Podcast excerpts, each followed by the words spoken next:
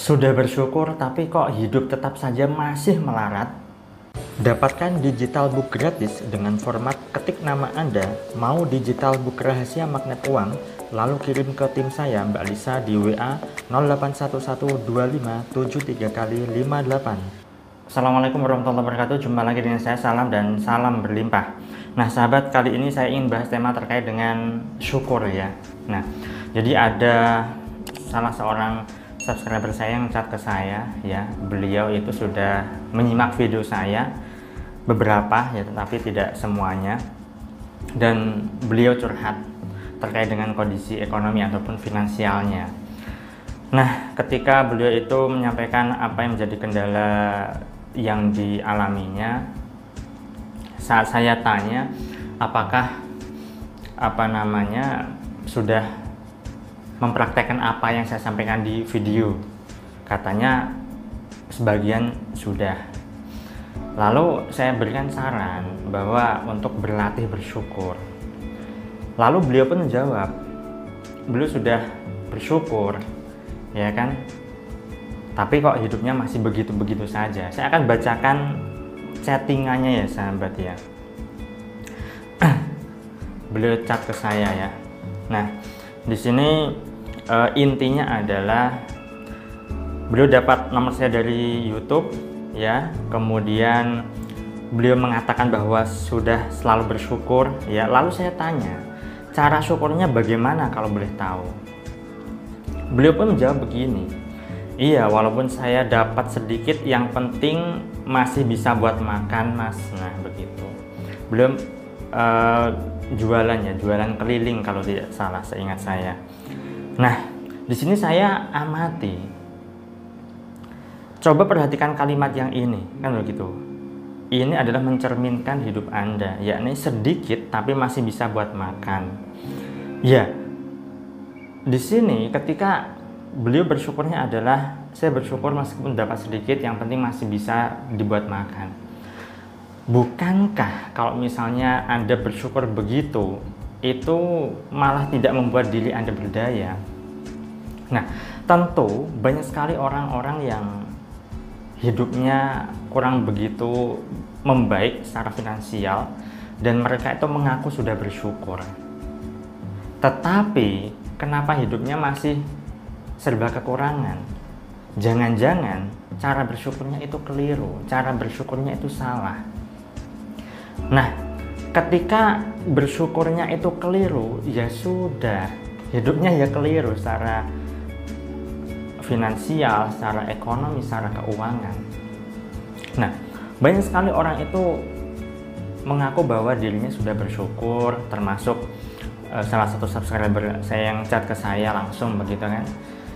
Saat bersyukur mereka tidak menyadari bahwa ketika bersyukur kok masih ada perasaan yang tidak mengenakan, masih ada perasaan yang tidak menyenangkan, masih ada perasaan yang membuat dirinya itu was-was, khawatir akan rezeki, ya itulah yang dialaminya. Nah, atensinya bukan pada kebersyukuran, perhatiannya bukan pada kebersyukuran, tapi perhatiannya atau atensinya itu pada kekurangan ketika saya amati tadi ya kan? Iya walaupun saya dapat sedikit yang penting saya masih bisa buat makan.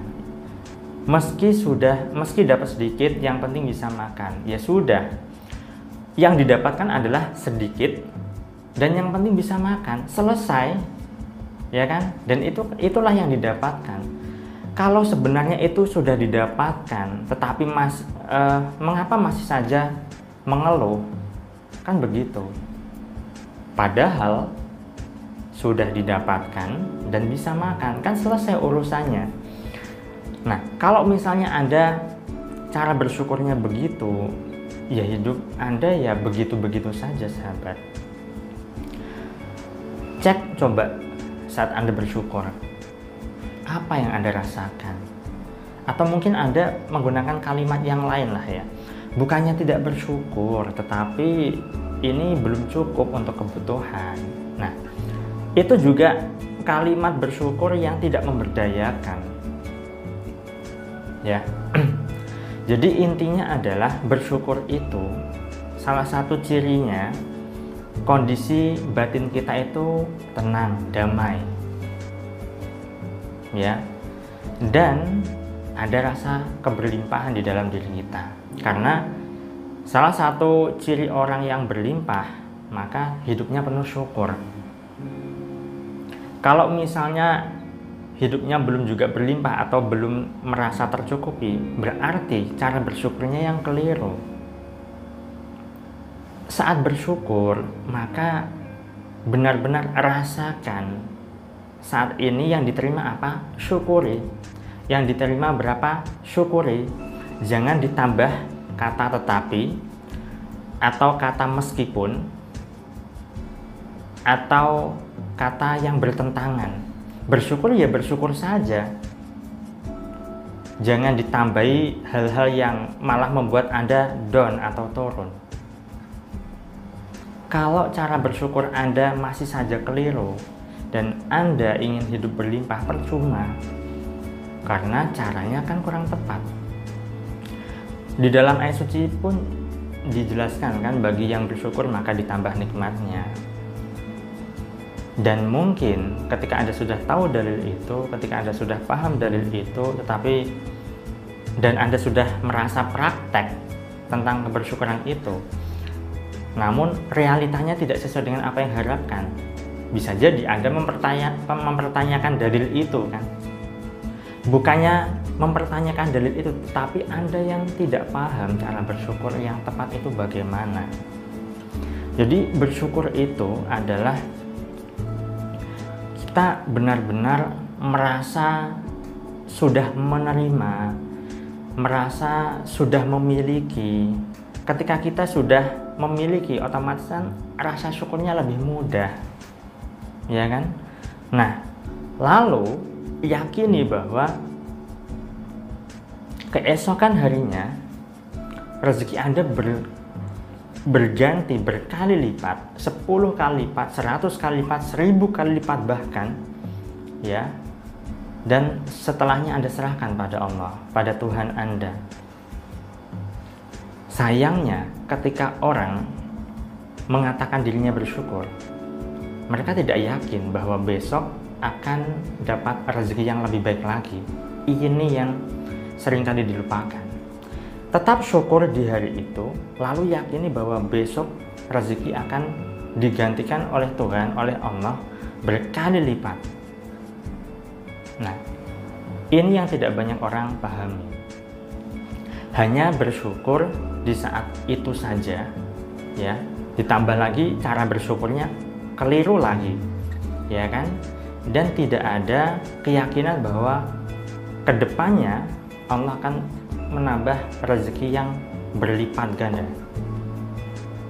tanpa diduga-duga, tanpa disangka-sangka.